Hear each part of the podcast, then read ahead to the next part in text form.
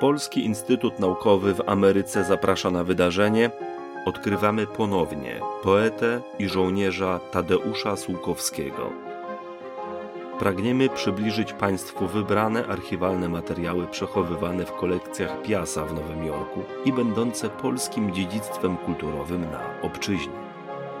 Materiał powstał na potrzeby zadania opracowanie, digitalizacja i promocja zbiorów oraz działań Polskiego Instytutu Naukowego w Ameryce. Dofinansowano ze środków Ministra Kultury, Dziedzictwa Narodowego i Sportu Rzeczypospolitej Polskiej. Czyta Aneta Kosno.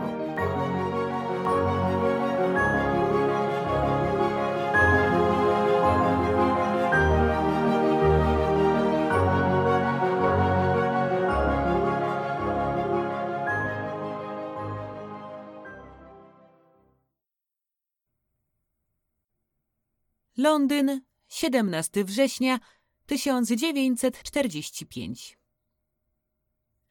Drogi panie Tadeuszu, znowu jakoś zeszło i nie od razu odpisałam. Nie bardzo się też czuję, bo grypowo, nudno i mizernie. W rezultacie chyba reumatyzm, bo bolą mnie mięśnie i kości. Temperatury nie mierzę, nie mając termometru, którego w Londynie nie można dostać. Lepiej jednak nie wiedzieć, czy jest gorączka, albo wmawiać sobie, że właśnie jest.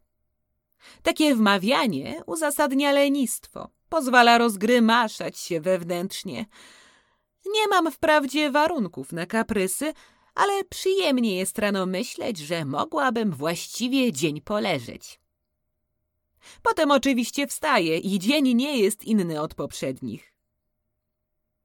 Zebranie zarządu będzie dopiero w piątek. Wtedy powiem o pana dezyderatach i napiszę, jakie są warunki wyjazdu do was. Miałam list od Kobrzyńskiego, który dziwnie tłumaczy sobie niewinne zdanie w moim liście, że przyjaciele zazdrościli mu szpitala. To był niefortunny dowcip, który go w czymś uraził nie tylko na mnie, ale na owych przyjaciół, o których nazwiska dopytuje. Odpisałam, nie podając nazwisk, bo naprawdę nie pamiętam już, czy i kto o tym mówił. Kobrzyński jest chyba przewrażliwiony, to też teraz będę ostrożna w listach. Nie wiem, czy Sowiński pisał panu o wyjściu z Orła i o zamiarach przeniesienia się do Francji. Tak mnie poinformował Ostrowski, który już tu jest, ale sam, bo Sowiński w ostatnim momencie zdecydował się nie jechać do Anglii. Interesuje mnie, czy Sowiński porzucił orła z powodu jakichś przykrości, czy też ma w istocie możliwości urządzenia się we Francji. Właśnie napisałam do niego w rozżaleniu, że tak mi zabledził moje opowiadanie Wilczur. Było kilkanaście straszliwych omyłek tekstowych, co mię trochę zgniewało bo nawet zła korekta ma swoje granice. Okazuje się, że orzeł w ogóle nie ma korektora i że krzywda wyrządzona mojemu opowiadaniu nie była już dziełem Sowińskiego. Zastępuje go teraz Kietlicz Rajski. Cóż by tu jeszcze napisać? Nic właściwie się nie dzieje. Lato trwa. Jesion trzyma się najlepiej ze wszystkich drzew na moim skwerku.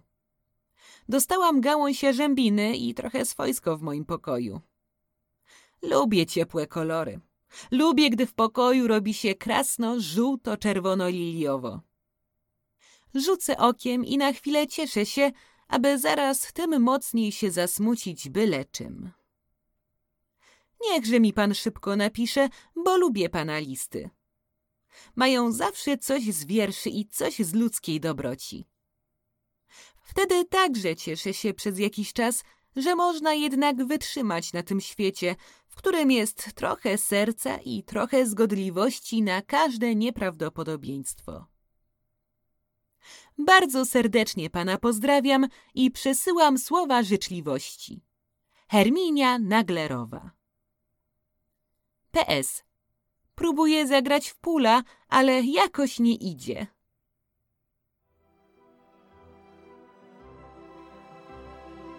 This recording was created for the project. development, digitization, and promotion of the collections and activities of the Polish Institute of Arts and Sciences of America. Co-financed by the Ministry of Culture, National Heritage, and Sport of the Republic of Poland.